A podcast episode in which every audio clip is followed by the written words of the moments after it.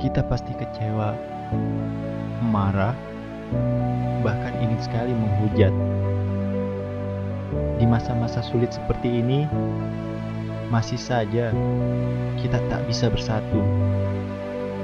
Tapi perjuangan belum selesai. Pengorbanan mereka masih ada. Kita tak boleh menyerah.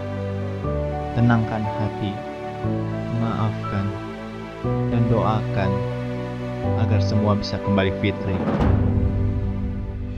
Dari kemenangan pikiran dan juga perasaan, kita Indonesia berubah.